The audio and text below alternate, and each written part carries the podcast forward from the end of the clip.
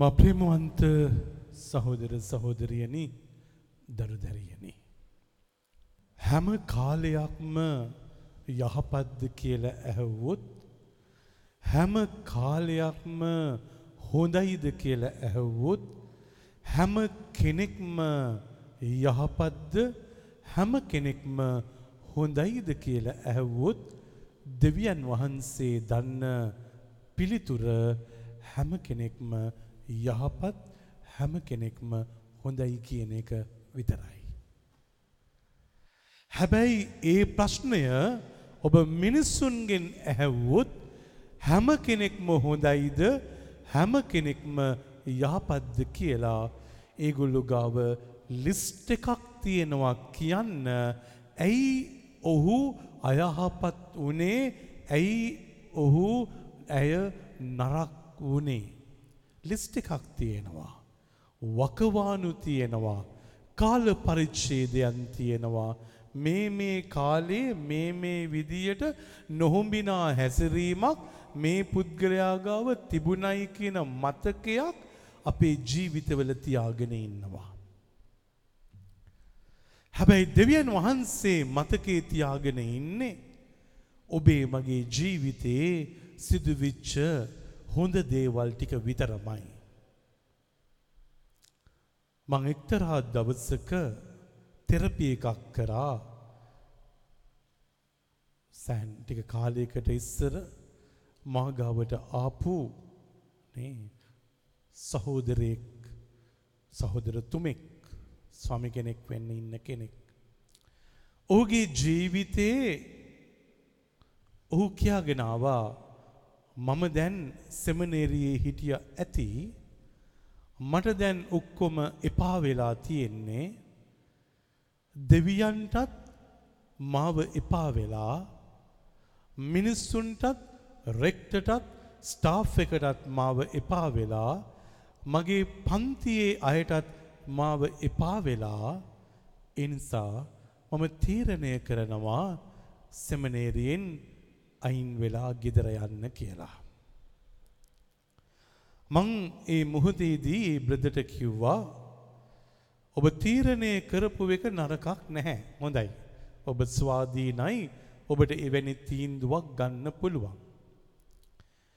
හැබැයි මේ සෙමස්ටර එකේ ඉඳලා මාස තුනකට පස්සේ ඔබ ගෙදර යන්න පුළුවන් මාස තුනක්. මේ මාස තුනේ හැබැයි ඔබ මට හෝම්වර්ක් එකක් කරන්නට ඕනේ. ඔහු මගෙන් ඇහුවා මොනවද කරන්නට ඕනේ. මං පුංචි ඉල්ලීමක් කරා මුළු දවසේම ඔබ විසින් කරපු ඔබට සිදු වුණ යහපත් දේවල් විතරක් ලියන්න කියලා කිව්වා. ඩයරියක් අරගෙන මේ ඩයරියක් නෙමෙයි එක්සයිස් බුක් එකක් අරගෙන ලියන්නයි කියලා කිව්වා ඩේට් එක දාලා. මාස තුනක් ඔබ ලියන්න ඔබට විච්ච හොඳ දේවල් විතරයි ලියන්න වෙන කිසිම දෙයක් ලියන්න නැහැ. එතකොට මගෙන් ඇහුවා මට විච්ච නරක දේවල් මං කිව්වා එකක්වත් ලියන්න එපා. නරක දේවල් එකක්වත් ලියන්න එපා. හොඳ දේවල් විතරක්ම ලියන්න. එතකොට ඒ සහෝදරතුමා මට කියනවා ෆාදර් ඉතින් මාව මම රවට්ට ගන්නවනේ මේකෙන්. මේක ඇත්තක් නෙමෙයිනේ උදේ ඉඳලා හැන්දෑ වෙනකන් මට මේ එපාවිච්ච කලකිරුණු දේවල් ඕන තරම් සිදු වෙනකොට ඒ එකක්වත් ලියන්නේ නැතුව මේක විතරක් ලිව්වොත් මේක මගේ ඩයරි එකද? මගේ ඩේ එකද මේක කියලා මගෙන් ඇහුවා. මං කිව්වා ඇත්තයි. ඔබ සාධාරණයි. හැබැයි මේක හෝම්වර්ක් එකක්. ඔබට කවදා හරි මම දවසක කියන්නම් ඔබ අතින් බැරිවිච්ච දේවල් ඔබට නැතිවිච්ච දේවල් ලියන්නත් මං ඔබට අවස්ථාවක් හදලා දෙන්නම්. හැබැයි දැන් මට ඕනේ ඔබට සිදුවිච්ච හොඳ දේවල් ටික විතරයි ලියන්න ඕනේ කියලා. එහෙම එකඟ කරගෙන ආයෙත් ඒ බ්‍රදව නේ සෙමිනේරියට යව්වා. යවල ඉවර වුණාට පස්සේ සෙමස්ටර් එක ඉවර වුණා. නේ මේජර් වැකේෂන් එක ආවා. මේජ වැකේෂන් එකෙන් පස්සේ ඊළඟ වසරට යනවද නැද්ද කියන එක තීන්දු කරනවා. නේ. එතකොට තර්ඩ් ඉයර් එකේ හිටියේ ෆෝර්ත් ඉයර් එකට යනවද නැද්ද කියලා තීන්දුව කරනවා. මේජර් වෙකේෂන් ආවට පස්සේ මේ බ්‍රදර් කෝල් එකක් දීලා කියනවා ෆාදර්ත් එක්ක මම චුට්ටක් කතා කරන්නට ඕනේ. මං කිව්වා ඔව් ඔබට කතා කරන්න පුළුවන් කිසිම ප්‍රශ්නයක් නැහැ. හැබැයි නේ එයා එදා හිටපු කෙනා නෙමෙයි. දැන් කියනවා මට ෆාද කෙනෙක් වෙන්න ඕනේ. මට යන්න පුළුවන් මේ ගමන. මේක ඇතුළේ ලොකු ශාන්තියක් මට තියෙනවා දැන්. සැනසීමක් තියෙනවා. මං ඇහුවා නේ කවුන්සලින් කරාද මොනවද කරේ නෑ ෆාද. ෆාද දුන්න හෝම්වර්ක් එක විතරක් කරා. හැමදාම මගේ ජීවිතේ හොඳ විතරක් ලිව්වා. හොඳ විතරක් මම හැමදාම මතකෙ තියාගෙන හිටියා. හැම දෙයක්ම වෙනස් වුණා. රෙක්ට මට ගොඩක් ආදරය කරන්න පටන් ගත්තා. මගේ පන්ති යාළුවෝ මට ආදරය කරන්න පටන් ගත්තා. මම මගේ ජීවිතයේ ස්ටඩීස් වලින් බැහැලා තිබුණා. මගේ ස්ටඩීස් ටික පුළුවන්කමක් තිබුණා. above 80 ආවා. මගේ හැම විෂයක්ම දැන් ඉහළට ආවා. හරි වෙනස්. මට යාඥා කරන්න පුළුවන්. මට නින්ද නිදා ගන්න පුළුවන්. හැම දෙයක්ම හොඳ වුණා මගේ ජීවිතේ. එනිසා මන් තීරණය කරා මම දිගින් දිගටම යනවයි කියලා. මං ඒ බ්‍රදකෙන් ඉල්ලුවේ එහෙනම් ඔබ ඉල්ලපු ඉල්ලීම අද ආයෙත් ඉල්ලන්න එපා. මගෙන් එහා මොකක්ද කියලා. එතකොට මගේ වැරදි මම ලියන්න ඕනේ නැද්ද? මම කිව්වා එපා හැමදාම ලියන්න නැති වුණත් කමක් නැහැ මතකේ තියාගෙන ඉන්න ඔබ කරපු හොඳ දේවල් ටික විතරක්ම. අද ඔහු ලස්සන පියතුමෙක් දේව සේවකයෙක් හොඳට වැඩ කරගෙන යනවා. ජීවිතයේ කලකිරෙන්නට පුළුවන් ජීවිතය අතහැරෙන්න්නට පුළුවන් මුළු ලෝකේම වැරදිී කියලා හිතෙන්න්නට පුළුවන්. තමාගේ ගෙදර ඉන්න අය තමාට විරුද්ධයි කියලා හිතෙන්න්නට පුළුවන්. ගණන් ගන්නේ නැහැයි කියලා දැනෙන්නට පුළුවන්. හැබැයි එතකොට මොකද වෙන්නේ? අපි හැම වෙලාවෙම මොනවද කරන්නට යන්නේ? අනිත් අයට චෝදනා කරනවා. ඔයා මට සැලකුවේ නැහැ, ඔයා මාව බලාගත්තේ නැහැ, ඔයා මට කතා කරේ නැහැ, ඔගොල්ලෝ මට කෙනෙහිලිකම් කරා, ඔගොල්ලෝ මගේ ජීවිතේ විනාශ කරා. ඔක්කොම කියනවා. ඇයි ඒ හොඳ ඒවා එකක්වත් මතකේ නැති නිසා. ජීවිතේ දෙවියන් වහන්සේ අදටත් යහපත් වෙලා තියෙන්නේ උන්වහන්සේ නරක මතක තියාගන්නති නිසා. ප්‍රශංසවේවා ප්‍රශංසවේවා ප්‍රශංසවේවා ප්‍රශංසවේවා ප්‍රශංසවේවා. ප්‍රශංසවේවා එතකොට නේ ඔබ කැමති අඩුපාඩුකම් මතක් කරගෙන රිනාත්මක වෙලා ඔබේ ජීවිතේ කාලකන්නි කරගන්නද? එහෙමත් නැත්නම් හොඳ දේවල් ටික විතරක් ජීවිතේ හැමදාම මතක් කර කර සිනාමුසු මුහුණෙන් ආදරයෙන් යුතුව සෙලිබ්‍රේට් කරලා එන්ජොයි කරලා ලයිෆ් එක ගමන යන්නද? අපේ අතේ තමයි තියෙන්නේ. අපේ අතේ තියෙන්නේ. එනිසා මට මතකයි එක ස්ටෝරී එකක් කවුරුවරි කියපු ස්ටෝරී එකක් නේ. එක්කෙනෙක්ට නේ චොයිස් එකක් දෙනවා. නේ චොයිස් එකක් නේ. ඒ චොයිස් එකේදී කුරුල්ලු දෙන්නෙක් අතේ ඉන්නවා. එතකොට අනිත් පැත්තට හරවලා පිටිපස්සෙන් තියාගෙන නේ එක භාවනා යෝගියෙක්ගෙන් අහනවා. ඔබ පුළුවන් නම් කියන්න කොයේ අතේ ඉන්න කුරුල්ලද මැරිච්ච කුරුල්ලා කොයේ අතේ ඉන්න කුරුල්ලද නේ පන පිටින් ඉන්න කුරුල්ලා එතකොට මොහු තීරණය කරනවා ඔහු කිව්වොත් කාර්ය මගේ අතේ දකුණු පැත්තේ ඉන්න කුරුල්ලා පන පිටින් ඉන්නේ කියලා මං ඌගේ බෙල්ල මිරිකලා ඌව මරනවා ඒ වෙලාවේ නේ නැත්නම් දකුණු පැත්තේ හිටියොත් එහෙමයි වම් පැත්තේ හිටියොත් එහෙමයි කියලා හිතාගෙන හිටියා. එතකොට අර පඬිතුමා කියනවා ඒ විද්වතා කියනවා ඒක ඔබේ අතේ තමයි තියෙන්නේ. ඔබ කරන්න යන දේ අනුව තමයි මැරුණද පන පිටින්ද කියලා තීන්දුව ගන්නට යන්නේ. එහෙම තමයි අපේ ජීවිතත්. අපේ ජීවිතත් එහෙම තමයි. අපේ අතේ තමයි තියෙන්නේ. දුකට පත්වෙලා වේදනාවට පත්වෙලා කලකිරිලා තේට්ටු වෙලා ජීවිතයේ හෙල් එකක් කරගන්නත් ඔබට මට අවසරේ තියෙනවා. මේ ජීවිතය සුභවාදී සුභවාදී යහපත් කියලා හිතලා ඉතාමත් අනර්ග සුවිශේෂී ජීවිතයක් බවට පත් කරගන්නත් පුළුවන්. ඔබ මගින් ඇහුවොත් චොයිස් එකක් වශයෙන් ෆාද කැමති උදේ ඉඳලා හැන්දෑ වෙනකන් නෙගටිවිටීස් මතක් කරගෙන මතක් කරගෙන මතක් කරගෙන මේ ජීවිතේ කාල්ල කන්නි කරගන්නටද? එහෙමත් නැත්නම් විච්ච අඩුපාඩුකම් විච්ච ප්‍රශ්න විච්ච කරදර බාධක කම්කටොළු හැලහැප්පීම් කියපු වචන අරවා මේවා ඔක්කොම ගසලා දාලා අනිත් පැත්තට ඇවිල්ලා සුබ්බවාදීව hina වෙලා සන්තෝෂෙන් yes let's go. නේ යමු අපි ඒ වැඩේ කරමු. සන්තෝෂෙන් මේකටද කියලා ඇහුවොත් මම කියනවා මේ සතුට වෙනුවෙන් මගේ ජීවිතේ අර දුක ගසලා දාන්න මම මැලි වෙන්නේ නැහැ. ස්වාමින් වහන්සේ ඔබව මාව නිරන්තරයෙන්ම පොහොනි කරලා පෝෂණය කරලා අරගෙන යන්නේ එතනටයි. අපි පෙරල ගනිමු ගීතාවලියේ 34 වෙනි ගීතය. ගීතාවලියේ 34 Psalm 34 පෙරලගෙන බලමු. ස්වාමීන් වහන්සේ කොහොමද මේ පොසිටිව් ගෝඩ් කෙනෙක් උන්වහන්සේ කොහොමද ධනාත්මක දෙවි කෙනෙක් වශයෙන් ඔබේ මගේ ජීවිතේ මෙහෙවන්නේ කියලා.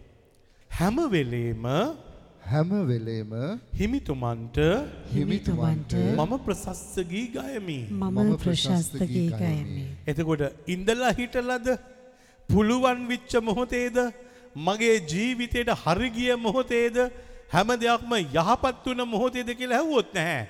හැම වෙලාවෙම නේ හැම වෙලාවෙම ඔබට මට තියෙන්නේ ස්තුති ගී ගයන්න විතරයි. මනුස්ස මට්ටම තුළ නේ හදිස්සියේ හරි නේ ප්‍රශ්නයක් ආවොත් වේදනාවක් ආවොත් කලකිරීමක් ආවොත් ආදර සම්බන්ධතාවයක් බිඳ වැටුනොත් ඊට පස්සේ මොන වගේ සින්දුද අහන්න කැමති? විරහගී අහන්න කැමති.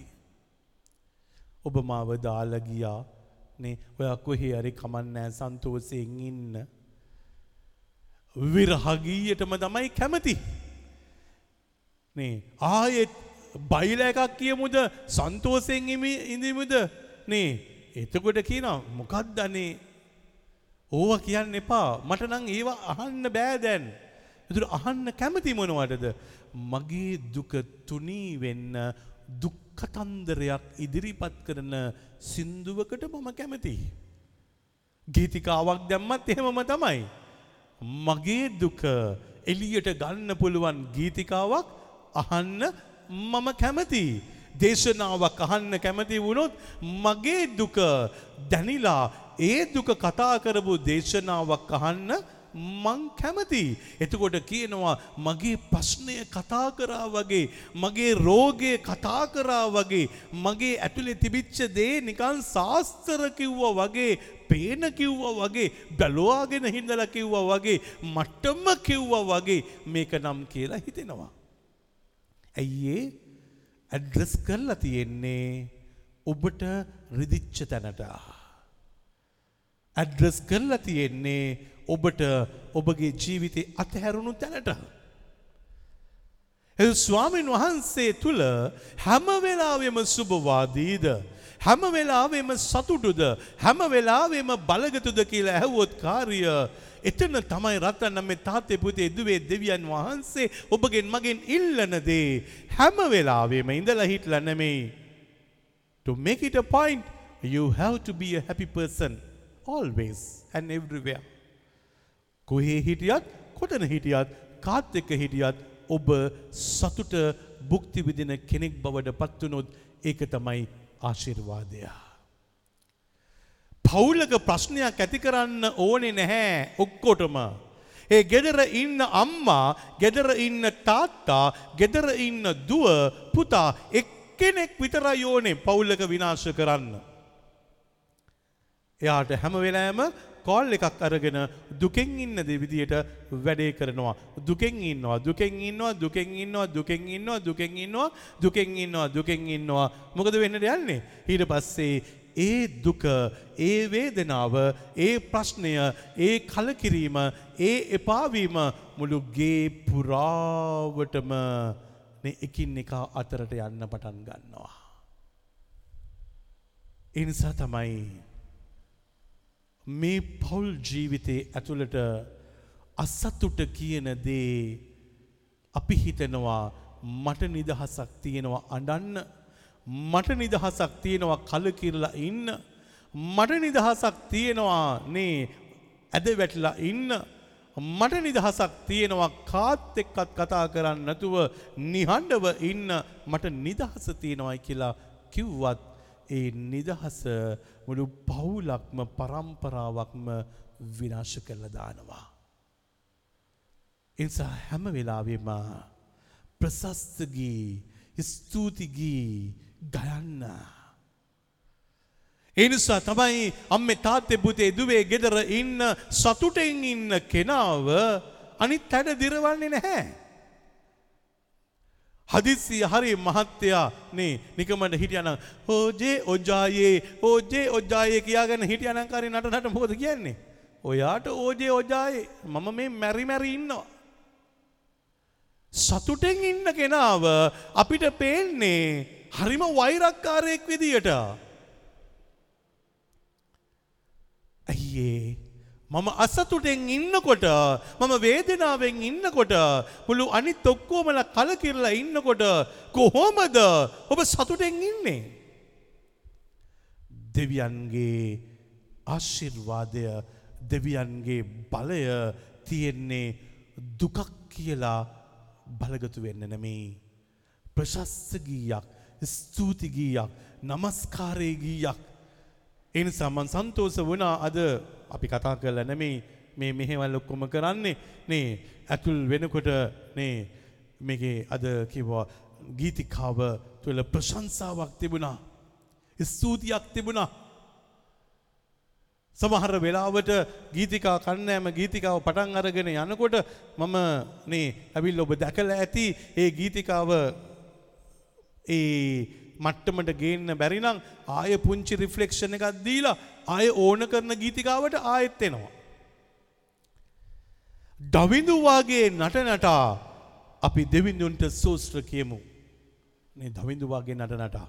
එතකොට නේ දැන් ස්වාමින් වහන්සේ ඔබට මට ඇරයුම් කරන්නේ දාවිත්ට ප්‍රශ්න තිබුණ නැද්ද? දාවිත්ට නේ අමාරුකම් තිබුණ නැද්ද? දාවිත් පව් කරලා තිබුණ නැද්ද? දාවිත් ජීවිතේ බිඳුවට වැටුණ නැද්ද? තමාගේ ගේ ඇතුළේ සිදුවිච්ච ඒ ක්‍රියාදාමය තුළ අයියා නගෝ ඇතුළ සිදුවිච්ච ක්‍රියාදාමය තුළ ජීවිතේම හෙම්බත් වුණේ නැද්ද? වුණා. හැබැයි ඒක මොමෙන්ටරි. එතනින් අතහැරලා දැම්මා. අද අපිට රටනම් මේ තාත්තේ පුතේ දුවේ යම්කිසි ආකාරයෙන් වේදනාත්මක මතකයක් අපිට අතහැර ගන්න බෑ. වේදනාත්මක සිතුවිල්ලක් අපිට අතහැර ගන්න බෑ. එස ස්වාමින් වහන්සේ තුළ අපිට ප්‍රසස්සගී ගයන්න බැහැ. සූතියේ ගීය ගයාගන්න බැහැ. ඇයිඒ අපි සූති කරන්නට යනකොට මතක් වෙන්නේ ප්‍රශ්නය කරදරය බාධකය සහ මටවිච්ච කෙනෙහිලිකම. ස්වාමින් වහන්සේ කියනවා මේ විදියට. එතුමන්ගේ ගුණ වැනුම් එතුමාන්ගේ ගුණ වැනුම් මාමුවෙන් තොර නොවෙයි. මා මුවින් තොර නොවේ.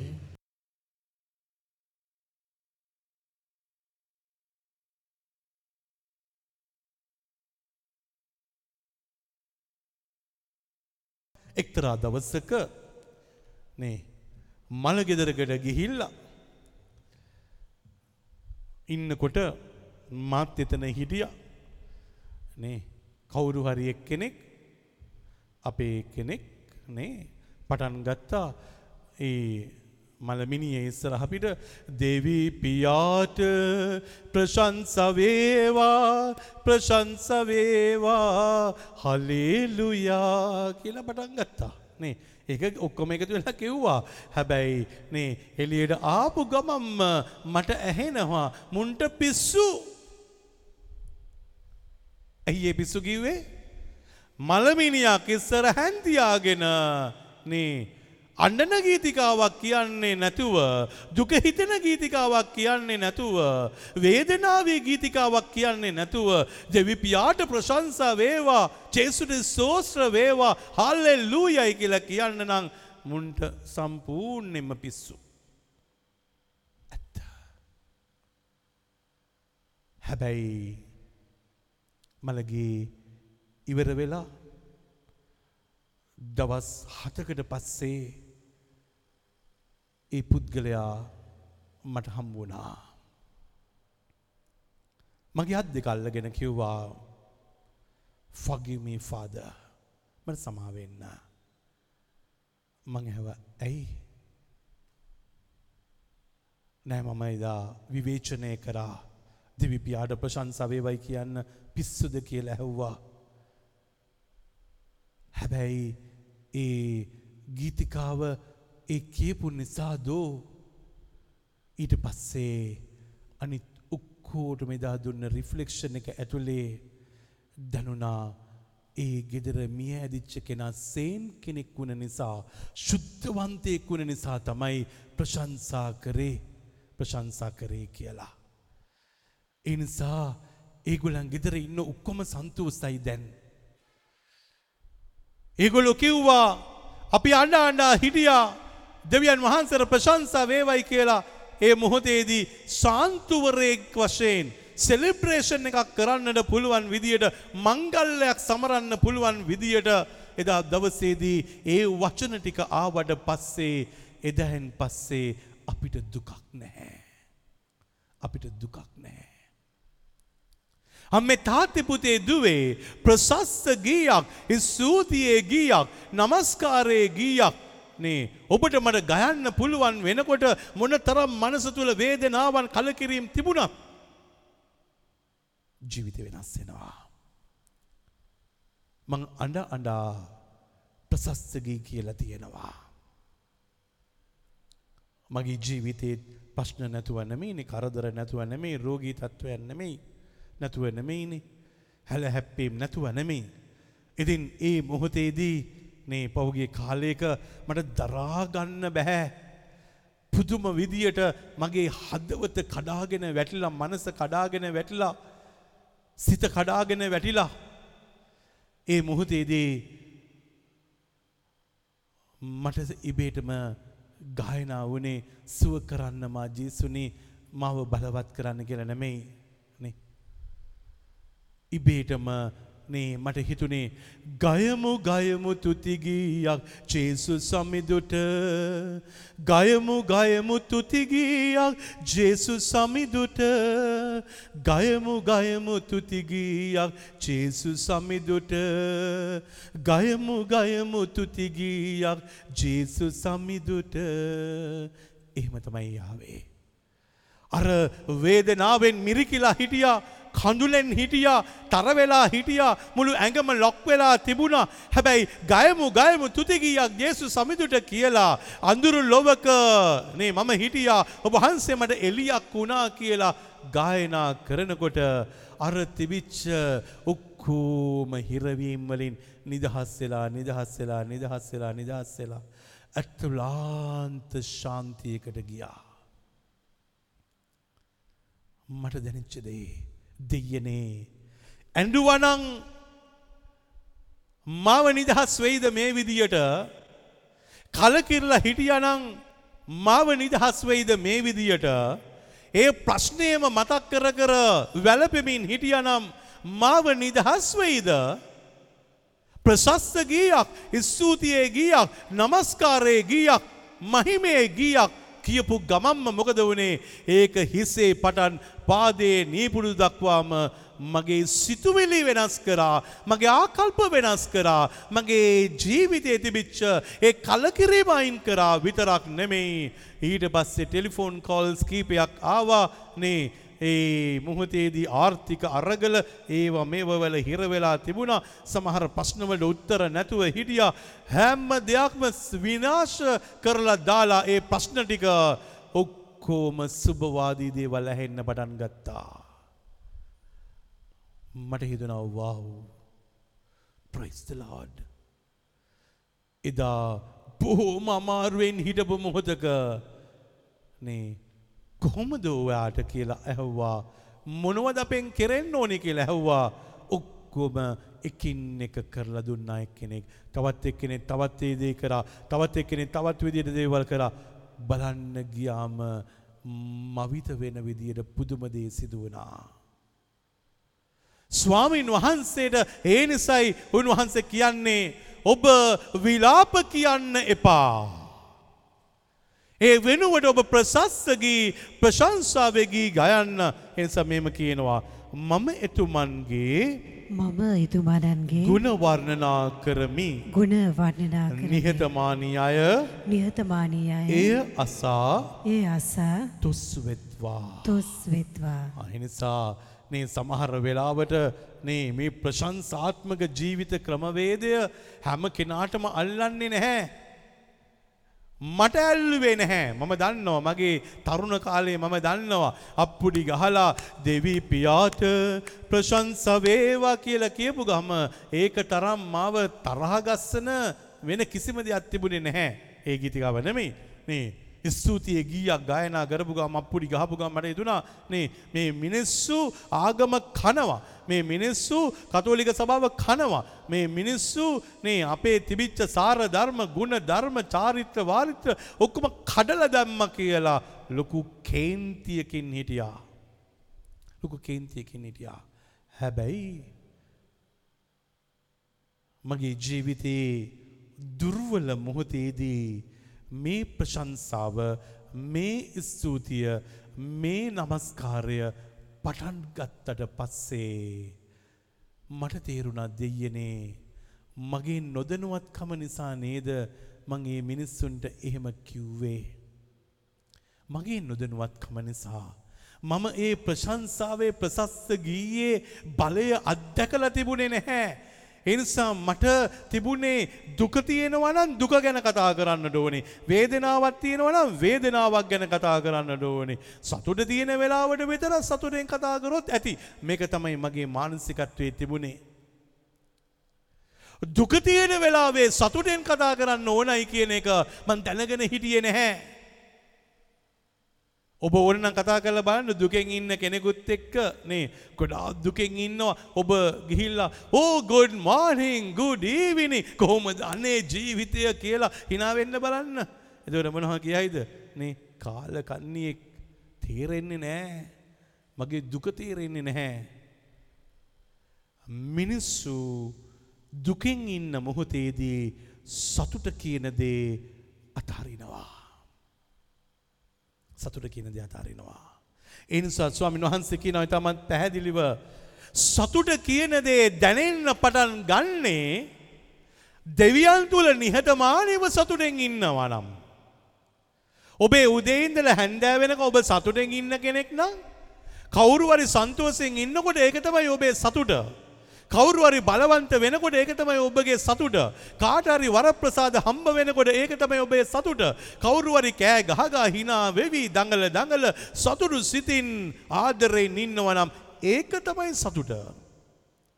ඇයි ඒ දෙවියන් තුළ සතුට තමයි ඔබමා භුක්ති විඳින්නට ඕන දේ. අද මම කතා කරපු කීප දෙනෙකුට නේ එක්තරා කාන්තාවකට භාර්යාවකට මං කියලා ඇරියේ. ඔබට නැතිවිච්ච හැම දෙයක්ම අද ඉඳලා හම්බ වෙනවා. හැබැයි ඔබ නේ සන්තුවසියෙන් ඉන්නට ඕනේ. ලස්සනට ඉන්න ඕනේ. නේ කාලා බීලා ඉන්න ඕනේ. ඇඳලා පැඳලා ඉන්න ඕනේ. ලස්සනට ඉන්න. ඉතුරු ඔක්කොම පහ වෙලා යාවි. ගෙදර තියෙන හැම ප්‍රශ්නයක්ම පහ වෙලා යනවා. හැබැයි එතකොට මොනවද කිව්වේ? ෆාද උයාගත්තට කණ්ඩ හිතෙන්නේ නෑ ෆාද. හැඳුන් තියෙනවා අල්මාරියේ පිරෙන්න හැබැයි මට අඳින්න හිතෙන්නේ නෑ ෆාද. නේ. මම ඉස්සර ලස්සනට හිටපු කෙනෙක්. හැබැයි දැන් මට එහෙම ලස්සනට ඉන්න බෑ. මට මතක් වෙන්නේ මගේ ප්‍රශ්නය. මට මතක් වෙන්නේ මහත්තයාගේ ප්‍රශ්න. මට මතක් වෙන්නේ ගෙදර නැන්දම්මගේ ප්‍රශ්න. ඒ ප්‍රශ්න මතක් වෙනකොට මට කණ්ඩ හිතෙන්නේ නැහැ. මට නිින්ද යන්නේ නැහැ. මට ඔක්කොම එපා වෙලා තියෙන්නේ. මං අනි පැත්තට කිව්වා අද ඉඳලා එපාවිච්ච ගතිය පැත්තක දාලා අද ඉඳලා හොඳට කන්න හොඳට අඳින්න සන්තෝෂයෙන් ඉන්න hina වෙලා ඉන්න ආදරයෙන් ඉන්න ඔබ ඔබ ඇප්‍රීෂিয়েට් කරගන්න අගය කරගන්න ඔබේ ගෙදර ඉන්න ඔක්කොමලා වගේ කරන්න බල්ලා පූසගේ ඉඳලම අගය කරන්න පටන් ගන්න කියලා මම යව්වා මට විශ්වාසයි. තව නොබෝගත් කාලයකින් ඇවිල්ල කියාවේ ෆාද ඔක්කොම ප්‍රශ්න විසඳලා අපේ ගෙදරට පුදුමාකාර ආකර්ෂණයක් ඇවිල්ලා අපේ ගෙදරට පුදුමාකාර දේව සතුටක් ඇවිල්ලා අපේ ගෙදර හැම එකක්ම පිරිලා අපේ ගෙදර හිතන පතන දේවල් ඔක්කොම හරියනවයි කියන දෙවියන් තුල මට විශ්වාසයි. මොකද දෙවියන් වහන්සේ ඔබව මාව කැනවන්නේ මේ මොහොතේදී බින්දුවට වැටිලා ජීවත් වෙන්න නෙමෙයි. උන්වහන්සේ තුල හයිෙන්ඩ එක ජීවත් වෙන්න හයිෙන්ඩ එක ජීවත් වෙන්න එනි සරතරම් මේ තාත්‍යබුදේදුවේ ඔබ කියාවේ මොනවද ෆාද මේ දේශනා කරන්න කියලා. ඔබ ජීවිත අරගෙන බලන්න. අද ජීවිතය අයිති කරගත්ත මිනිස්සු ජීවිතයේ ගොඩාපු මිනිස්සු ජීවිතයේ සාර්ථකයි කියන මිනිස්සුන් අරගෙන බලන්න. විශ්වාසය පැත්තෙන් අරගෙන බලන්න. දෙවියන් තුළ අරගෙන බලන්න. ඊට පස්සේ ලෞකික දේවල් අරගෙන බලන්න. මේ හැම්ම දෙයක්ම දේව ශක්තිය දැබිලා තියෙන්නේ දේව බලය ලැබිලා තියෙන්නේ ප්‍රාතිහාරාත්මක බලයක් ලැබිලා තියෙන්නේ මේ හැම්ම කෙනාටම සතුටෙන් ඉන්න කෙනෙක් මිසක දුකට පත් වෙලා කලකිරලා තෙහෙට්ටු වෙලා මේ හැම දෙයක්ම බොරුවක් මායාවක් වංචාවක් කියලා ජීවිතේ කලකිරිච්ච අයට නෙමෙයි. එතකොට දැන් කාටද ඔබ බනින්න කැමති? දෙවියන් වහන්සේට බනීවි. ඇයි ඒ? ඇයි දෙවියන් වහන්සේ මගේ දුක අයින් කරන්නේ නැත්තේ? ස්වාමින් වහන්සේ ඔබේ දුක අයින් කරන්න කැමති එනිසා උන්වහන්සේ කියනවා මා සමග මා සමග හිමිතුමන් හිමිතුමන් වර්ණනා කරන්න වර්ණනා කරන්න අපි එක් වී අපි එක් වී එතුමන්ගේ නාමය පසසමු. එතුමාණන්ගේ නාමය පසසමු. එතකොට රටනම් මේ තාත්තේ පුතේ දුවේ. දුක වැඩි වුණාම ප්‍රශ්න වැඩි වුණාම කලකිරීම වැඩි වුණාම අපි ඉස්සෙල්ලාම නතර කරන්නේ මොනවද? එකට එකතු වෙලා ප්‍රශංසා කරන එක. එකට එකතු වෙලා යාඥා කරන එක. එකට එකතු වෙලා දෙවියන් වහන්සේ මහිමයට පත් කරන එක නතර කරනවා. ස්වාමීන් වහන්සේ කියනවා ඔබ එකට එකතු වෙන්න මහත්යාව එක් කරගන්න භාර්යාව එක් කරගන්න දරුවන් එක් කරගන්න ගෙදර ඉන්න ඔක්කොමලා එක් කරගෙන මොනවද කරන්න ඕනේ ඔබ යාඥාවේ ප්‍රශංසාවට නැමදීමට යන්න කොහොමද පාද යන්නේ හිතට ශාන්තියක් තියෙන්න එපෑ. හිතේ සතුටක් තියෙන්න එපෑ.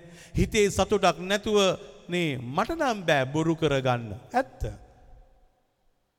හිතේ සතුටක් තිබුණොත් මට කරන්න පුළුවන්. හිතේ සතුටක් නැතුව නිකම් මුලිච්ඡාවට මට යඥා කරන්නට බෑ.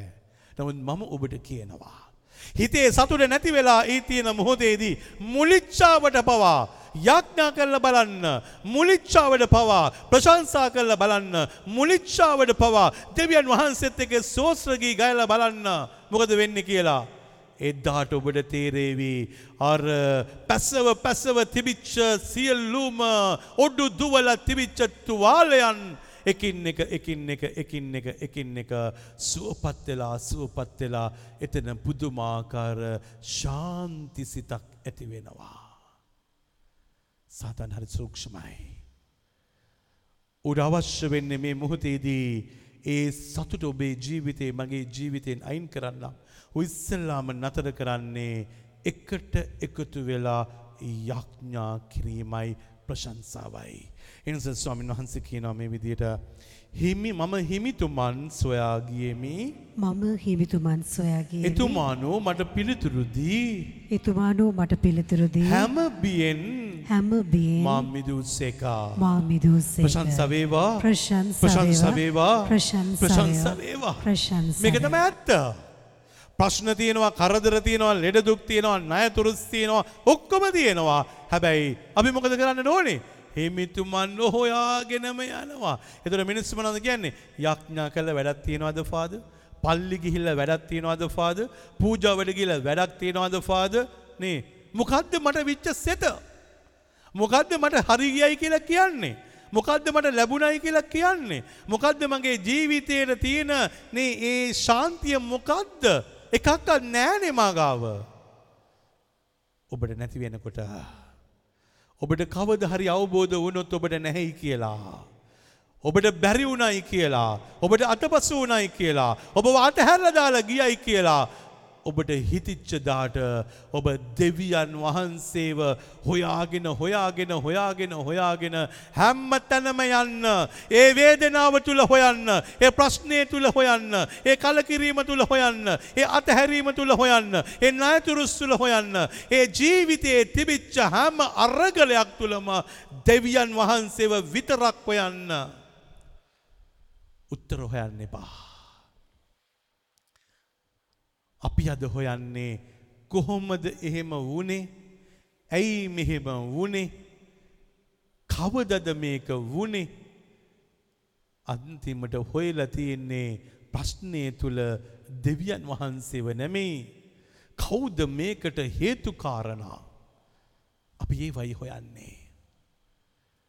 ප්‍රශ්නය දැක දැක ප්‍රශ්නය හොයන්නේ නැතුව ඒකට හේතු කාරණාව හොයන්නේ නැතුව දෙවියන් වහන්සේව හොයනකොට ඔබ දෙවියන් වහන්සේ පසුපස්සේ යනකොට ස්වාමින් වහන්සේ හැම්ම දෙයක්ම වෙනස් කරන්නට යනවා.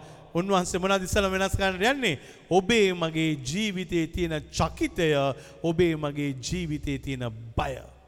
ප්‍රශංසා වේවා. ප්‍රශංසා වේවා ප්‍රශංසා වේවා. ප්‍රශංසා වේවා එතකොට ආය බය වෙන්න දෙයක් නැහැ.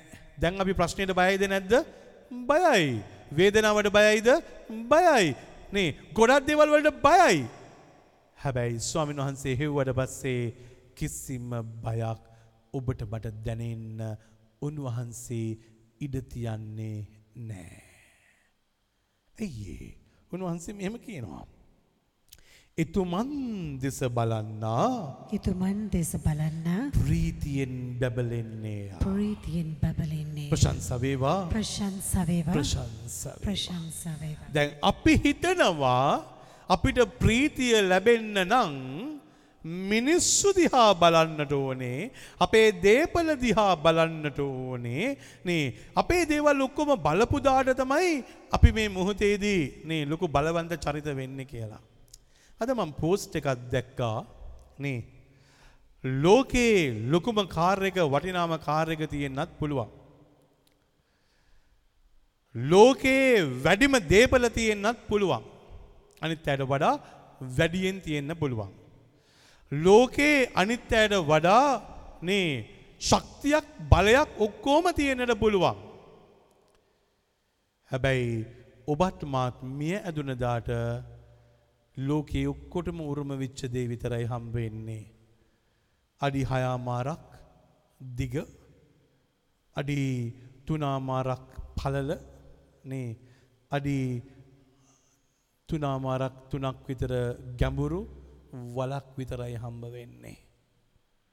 ඉතුරු ඔක්කෝම ලෝකයේ ලොකුම කාර් එක ලෝකයේ ලොකුම ගේ ලෝකයේ ලොකුම දේවල් ලොක්කොම තිබිලාත් අන්තිමට මියදිච්ච දවසට ඔක්කොටම පොදු අර හයයි හතර විතරයි ඔබට මට ඉතුරු වෙනි රත්‍ර නම් මෙත් අත්තිපතිදුවේ.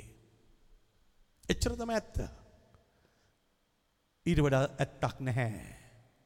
එතකොට අපි දැන් එකතු කරපු දේවල් මවපු දේවල් අඩපු දේවල් ගොඩනගපු දේවල් එකක්කත් ඔය හතරයි හතරට දාගන්න බැහැ. අර මිනි පෙට්ටිය තිබ්බට පස්සේ ඒ වලට බොහෝම අමාරුවෙන් තමයි හදිස්සියේ හරි මොනොහරි වැටුනොත්කාරය ආය බැහල ගන්න පුළුවන් වෙන්න ඉඩ නෑ. පෙරිදමන් ගේ සතියේ මළගෙදරකට ගේ වෙලාවේ නේ පෙට්ටියෝට තිබිච්ච කුරුස්සේ බිමට වැටුණා. ඒ නිසා අනිත් අය කියනවා දැන් මේ කුරුස්සේ බැහැලා ගන්න කොහොම හරි මල් කුරුස්සයක් මල් වලින් හදපු හැබැයි පෙට්ටිය තිබ්බට පස්සේ ඒකට බැහැගන්න විදියක් නැහැ. ඒ නිසා මොකද කරේ? පෙට්ටිය පොඩ්ඩක් අයින් කරා. ඒ වලින් පොඩක් පොඩක් ඈත් කරලා ඊට පස්සේ කෙට්ටුම කොළු පැටියෙක් මේ ඇතුළට බැහැලා හිමින් සීරුවේ අර මල් රීඩ් එක නැත්නම් මේ කුරුසේ වගේ හදලා තියෙන කෙලියට ගත්තා. ආයෙත් පෙට්ටිය කෙලින් තිබ්බට පස්සේ ආයෙ කාටවත් බැහැ බෑ. මේක තමයි ඇත්ත. ඒ නිසා ස්වාමින් වහන්සේ හැම වෙලාවෙම කියනවා ඔබේ මගේ ජීවිතයට උන්වහන්සේගේ මුහුණ බලන්න උත්සාහ කරන්න. උන්වහන්සේගේ මූුණ දෙස බලන්නා තමයි ප්‍රීතියෙන් බැබලෙන්නට යන්නේ. අද අපි අනන්නේ කාගේ මූුණ බැවුන්නෑ කියලද. නේ මගේ දුවගේ මූුණ මට බලාගන්න බැරුව ගියා. මගේ මහත්‍යගේ මූුණ මට බලාගන්න බැරුව ගියා. මගේ වයිෆ්ගේ මූුණ මට බලාගන්න බැරුව ගියා. ඒකයි මම මේ දුකට පත්වෙලා ඉන්නේ. ඇත්තයි. හැබැයි ඒ ඔක්කෝමලා කවදහරි ඔබව බලන එක මූුණට මූුණ බලන එක නතර වෙනවා. හැබැයි ඔබේ මගේ මූුණට මූුණ බලාගෙන ඉන්න පුළුවන් එක්කෙනෙකුට විතරයි ඒ දෙවියන් වහන්සට විතරයි. නමුත් අවාසනාවකට අපි දෙවන් වහන්සේ ඉදිරි ඇවිල්ල ජේසුනි වහන්සගේ මූුණ මට පෙන්නන්න නේ එහෙම අපිට ඕනේ නැහැ අපිට බලාගෙන ඉන්න ඕනෙත් නැහැ. අපිට මේ ලෝකේ තියෙන ඔක්කෝම දැක්කොත් ඇති. හැබැයි මේ ලෝකේ තියෙන ඔක්කෝම ටික දවසක් යනකොට මායාවක්සේ අපිව අතහැරලා අතහැරලා දාලා යනවා. ඔබේ පර්ස් එකේ තියෙන සල්ලි ටික ඔබ බලබල ඉන්න පුළුවන්. හැබැයි ඒ පර්ස් එක තියෙන සල්ලි ටික ඔබ ලෙඩෙක් වුණදාට ඒවා වියදම් කරන්න පටන් ගත්තට පස්සේ එකින් එක එකින් එක ඒ කොළ ටික නැති වෙලා යාවි. ඔබේ බැංකු ගිණුම නැති වෙලා යාවි.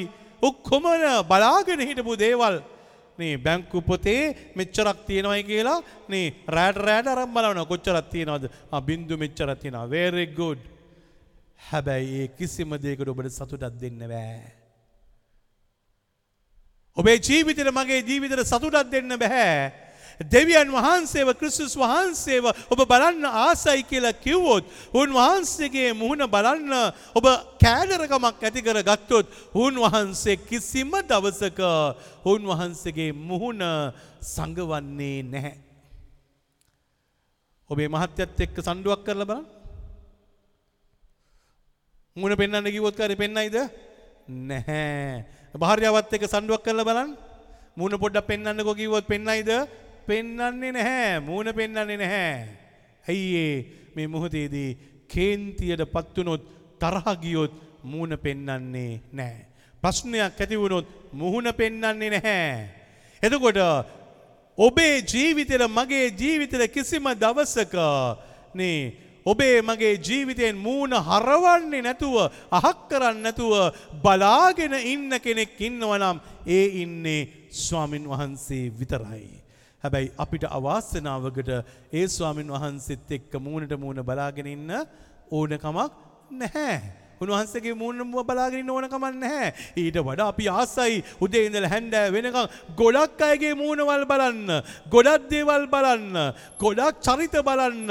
අපි ආසයි චරිත බලන්න ආසයි. හැබැයි ස්වාමින් වහන්සේගේ මුහුණ බලන්නාට ප්‍රීතියෙන් බැබලෙන්න පුළුවන් කියලා කියනවා. ඒකයි වෙනස ප්‍රීතියක් හම්බ වෙනවා. එනිස ස්වාමින් වහන්සේ කියනවා හිමිතුමන්ට හිමිතුමන්ට කන්න ලව් කළ කන්නලව් එක් හසරණයෙක් විය.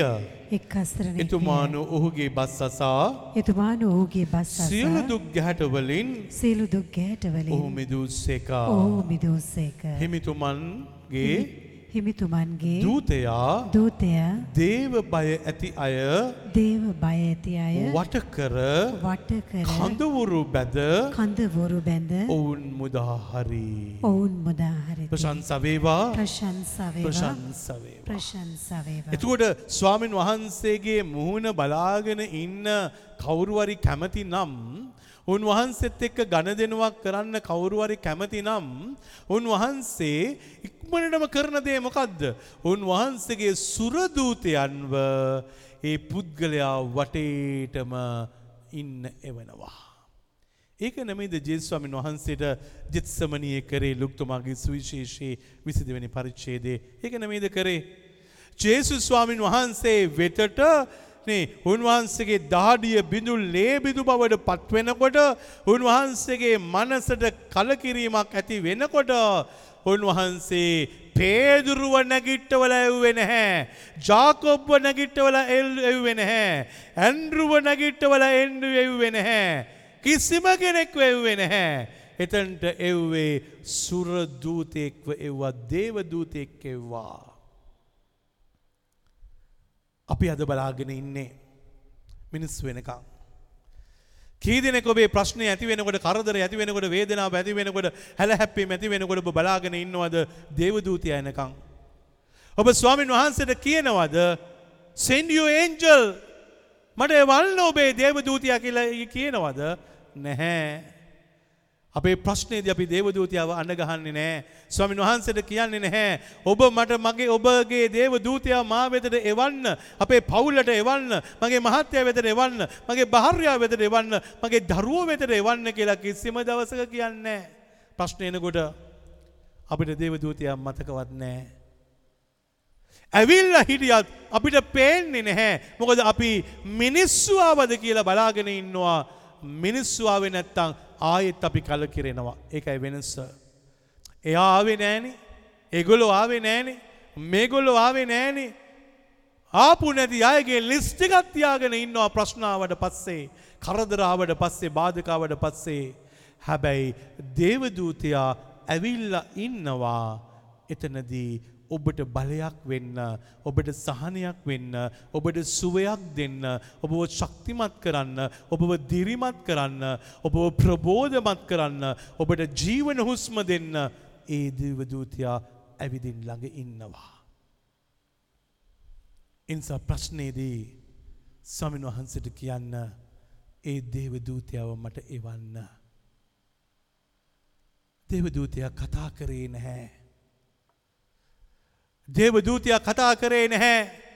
හැබැයි දේවදූතයා හිටියා විතරයි. ශක්තියක් ලැබුණා බලයක් ලැබුණා කල්වාරයේ කුරුස්සේට ගිහිල්ලා ජීවිතේ පූජා කරන්න තරම් ස්පිරිතුවක් හම්බ වුණා. ඉන්ස ස්වම්න වහන්සේ කියනවා.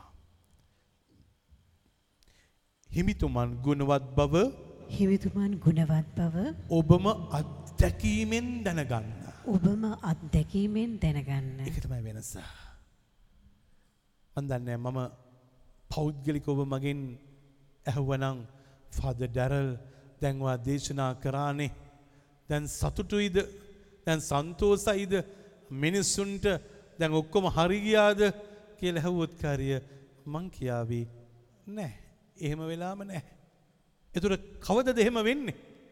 ඒගොලන්ට සතුට හම්බවෙන්නේ කවදද. ඒගොලන්ට බලය හම්බෙන්නේ කවදද.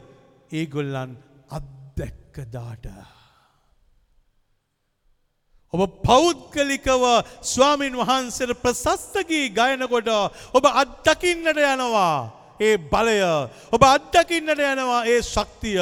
එනිසා දුක කතා කරන මොහොතේදී දුක ලැබෙන්න්නත් සතුට කතා කරන මොහොතේදී සතුට ලැබෙන්න්නත් ප්‍රශංසා කරන මොහොතේදී අභිෂේකය ලැබෙන්න්නත් වේදනාත්මක කඳුලෙන් ඉන්න මොහොතේදී එකින් එක එකින් එක ඔබ අතහැරල දාල යන එකත් ඔබ මා අත්දැකීමෙන් දන්නවා.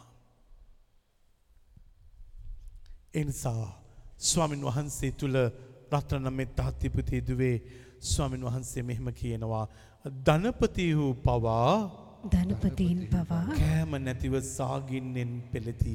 කෑම නැතිව සාගෙන්නෙන් පෙළෙති. හිමිතුමන් සරණ යන අයට හිමිතුමන් සරණයන අයට යහපත්දයින් යහපත්දේ කිසි අඩුවක් නැත. කිසි අඩුවක් නැත. ප්‍රශංසවේවා ප්‍රශංසාව ප්‍රශංසවේවා ප්‍රශංසාව ප්‍රශංසවේවා ප්‍රශංසාව එනිසා ධනයේ තිබුණත් බලයේ තිබුණත් මේ අඩුවක් නැතිවෙන එක මේ මුහතේදි තෘප්තිය කියන එක ලැබෙන්නේ ස්වාමින් වහන්සේව හෙව්වොත් විතරයි.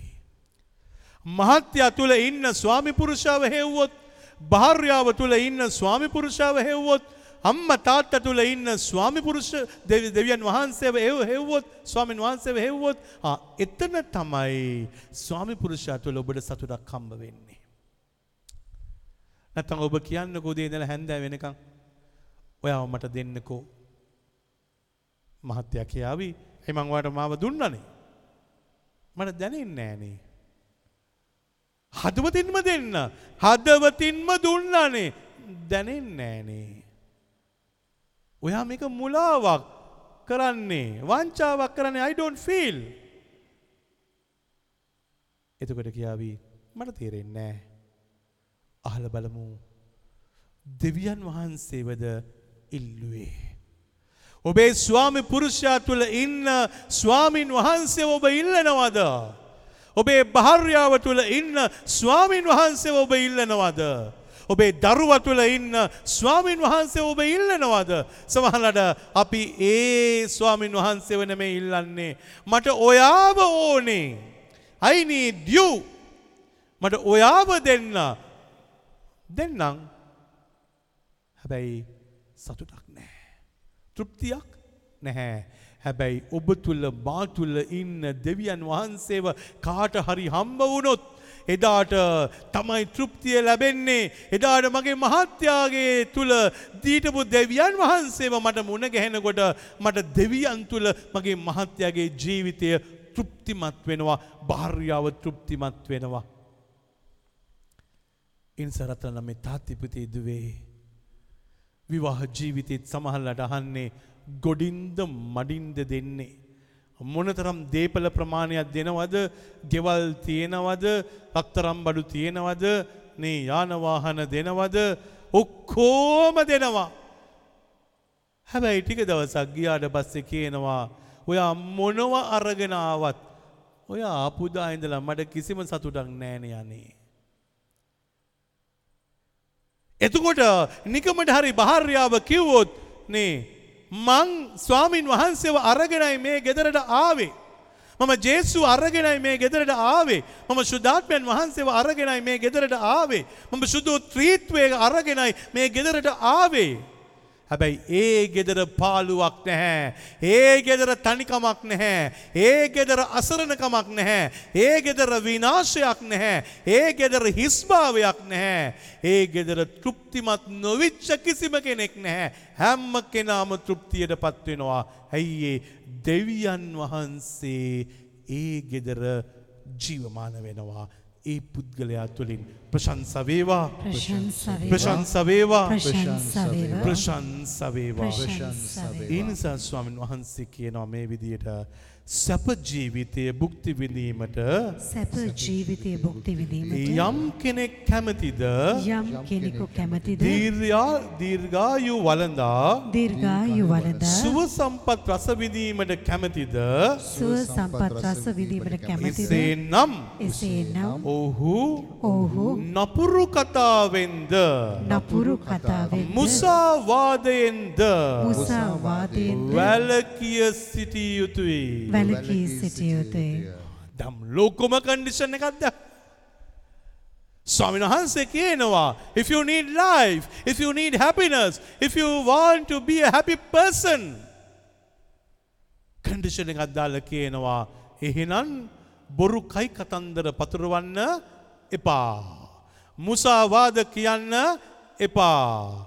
නේ එතකොට එක එක්කෙනගේ අරයගේ උපදූප ඉල්ලගෙන මෙයාගේ උපදූප අරගෙන අර පවුල කඩලා මේ පවුල කඩලා ඒක විනාශ කරලා සුන්නත් දූවිලි කරලා you can't be a happy person. මිනිස්සු කියනවා ඇයි ෆාද මං සන්තෝසෙන් ඉන්න කැමතිනේ.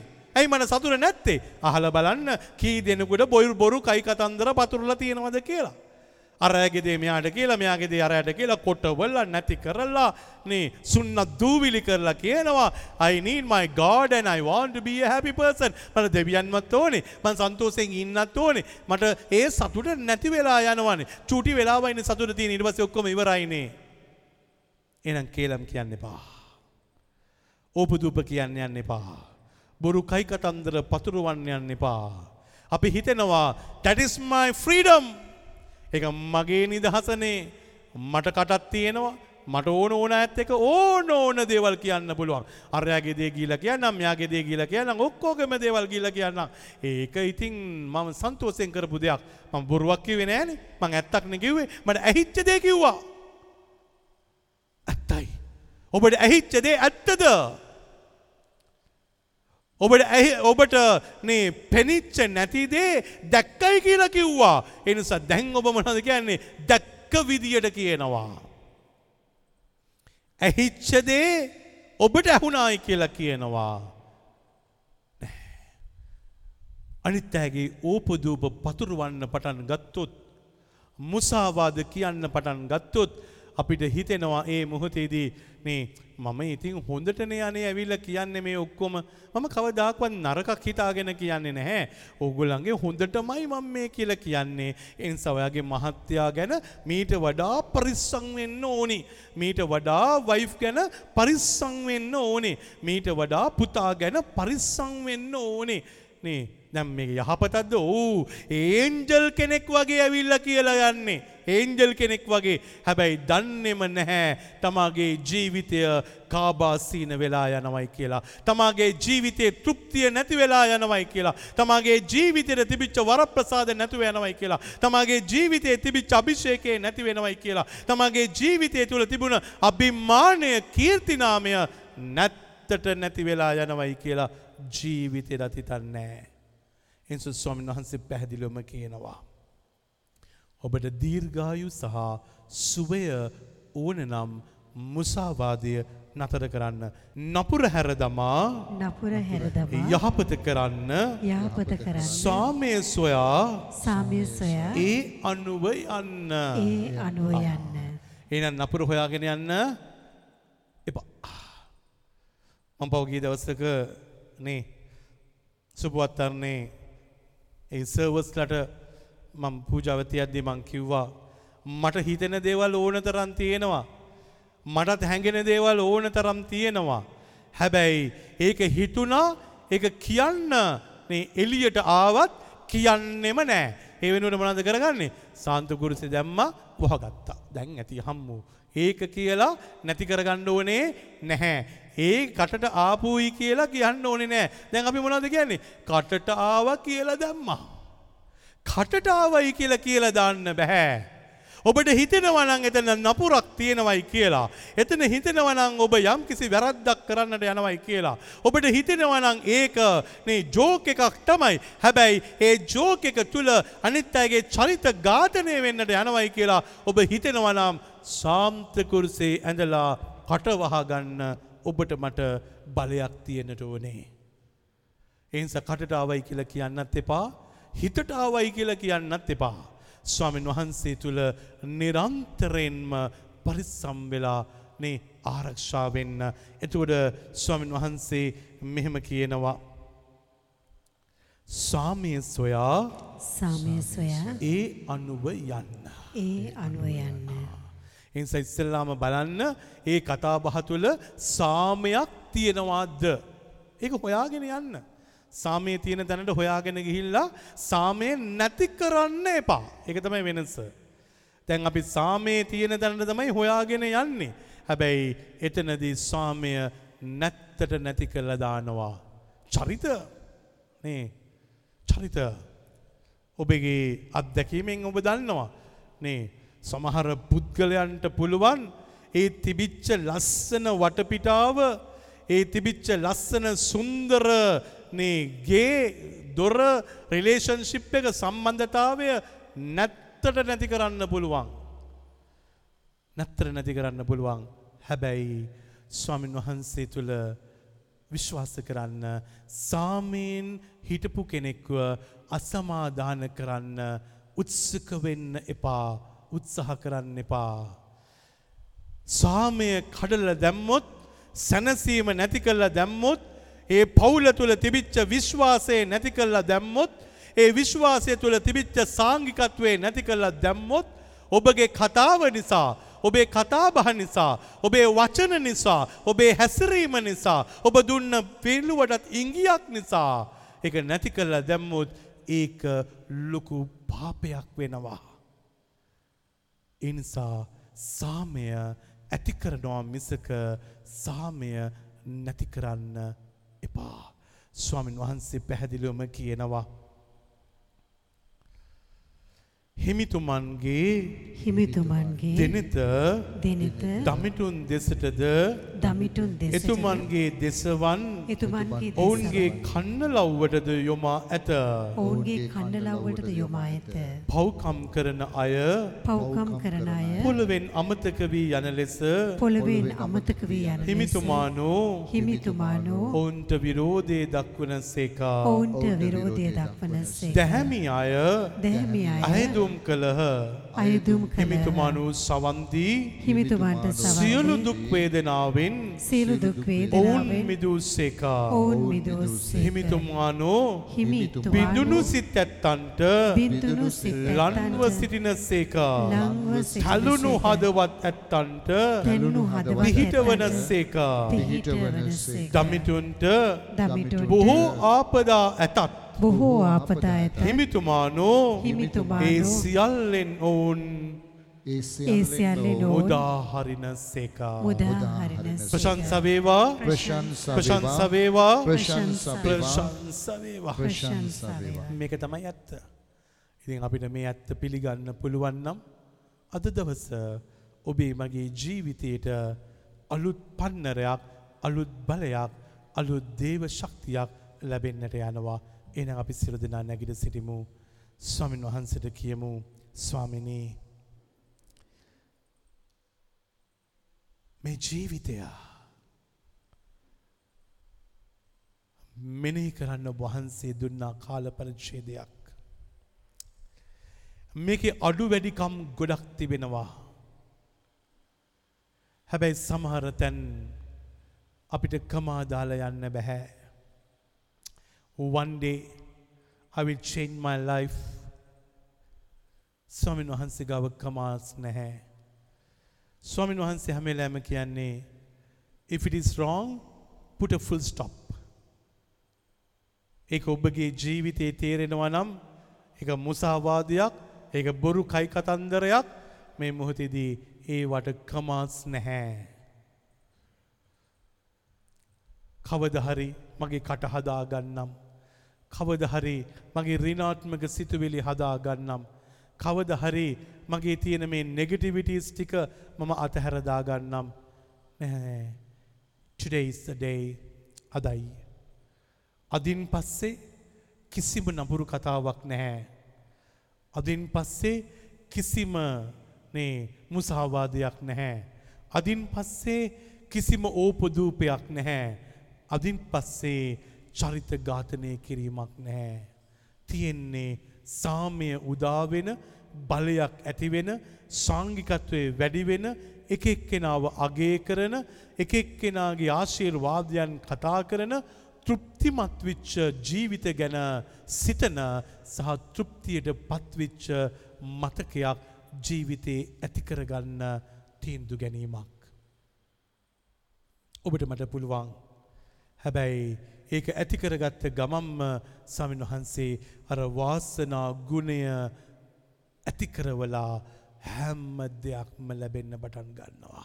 කලට වෙලාවට මිල මුදල්ද පුද්ගලයන්ද යානවාහන ඉඳුම් හිටුම් ඇඳුම් පැළඳුම් නේ රැකි රස්සාවන් හැම්ම එකක්ම ඔබේ ජීවිතයේ කිසිම අඩුවක් නැතිව එකින් එක එකින් එක එකින් එක ලැබෙන්න සලස්සනවා. මේක අල්ලසක් නෙමෙයි. මේකට දෙවියන් වහන්සට අල්ලස් දීලා ගන්න එකක් නෙමෙයි.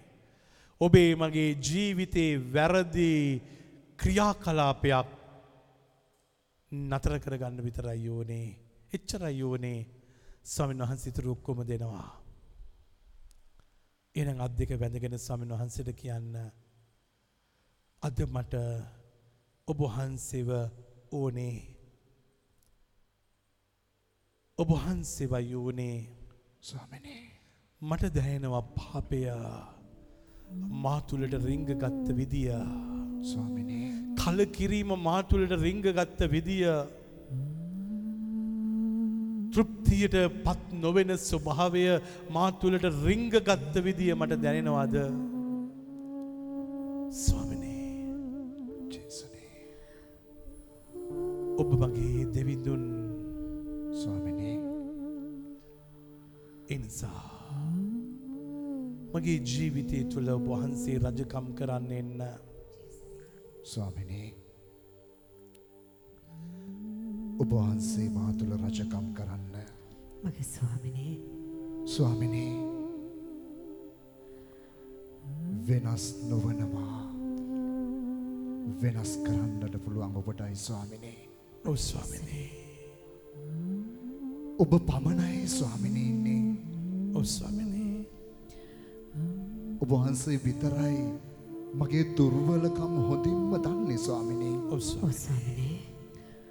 ඒ නිසා මම එක් එක්කෙනාට දුන්න මගේ ජීවිතය අයිතිය. ඔව් ස්වාමිනේ. නමුත් ස්වාමිනේ මං අද දවසේ මාව වෙනස් කරන්නට මං ඔබ වහන්සේට පාර කරනවා ස්වාමිනී මාව ස්වාමිනේ. මගේ අයිතිය මං ඔබ වහන්සේට දෙනවා ස්වාමිනී ඔව් ස්වාමිනේ. මගේ ජීවිතයේ සියලුම සියලුම අයිතීන් අද දවසේ ඔබ වහන්සේට පාර කරනවා ස්වාමිනී ස්වාමිනේ. වෙනස් නොවන මාව වෙනස් කරන්නේ ඔබයි ස්වාමිනී ඔබගේ ස්වාමිනේ. ගොඩක් ස්තුතියි. ගොඩාක් ස්තුතියි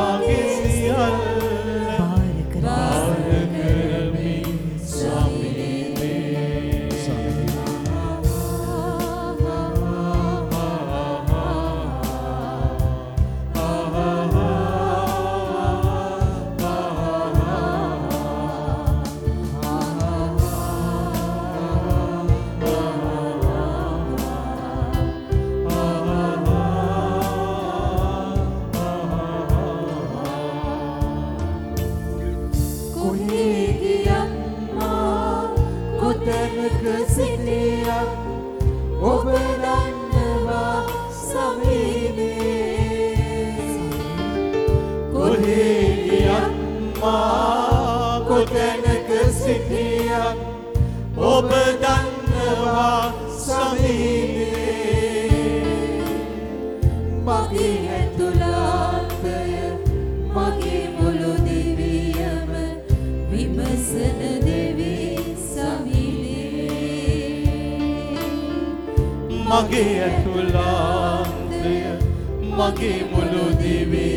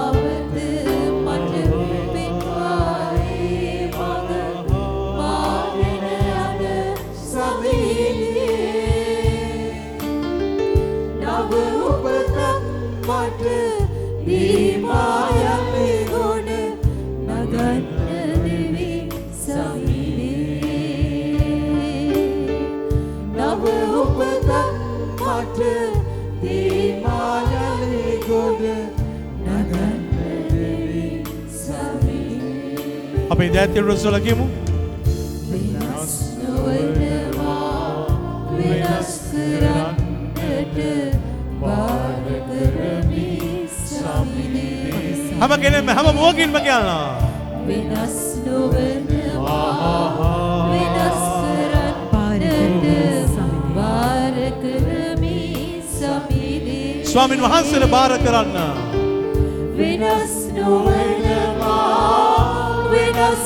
ඔබ පමණයි සමිඳේ. ඔබ පමණයි සමිනේ වෙනස් නොවනවා වෙනස් කරන්නේ ඔබ පමණයි සමිනේ ස්වාමින් වහන්සේට ඉඩ දෙන්න ඔබ තුළ රජකම් කරන්නට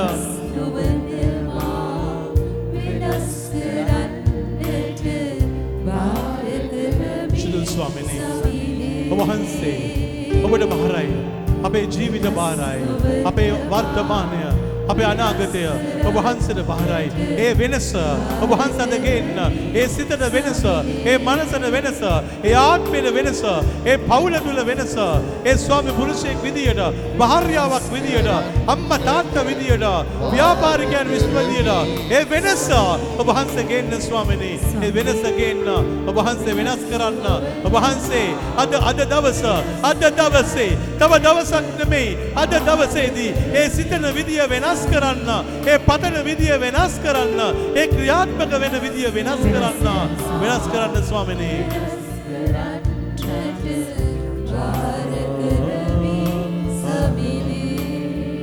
ඔව් ස්වාමිනේ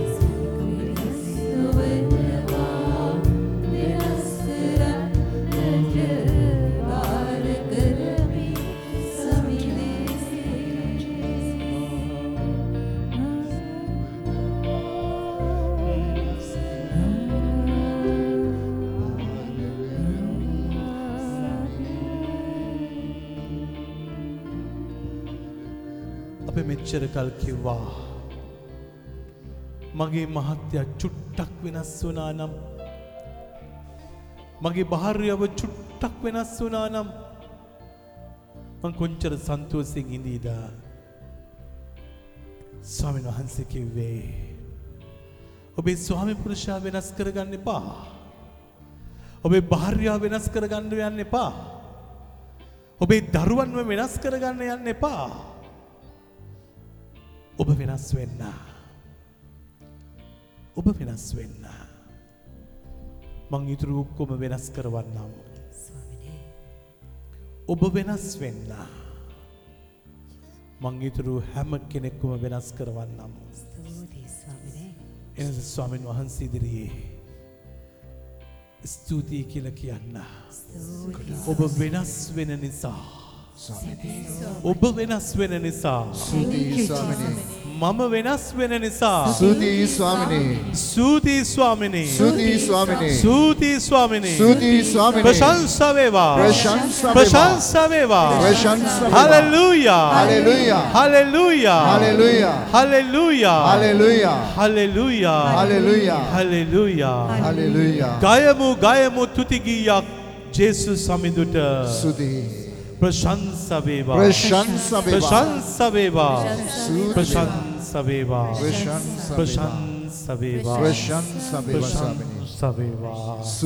स्वामिनी। स्वामिनी। महिमे स्वामिनी।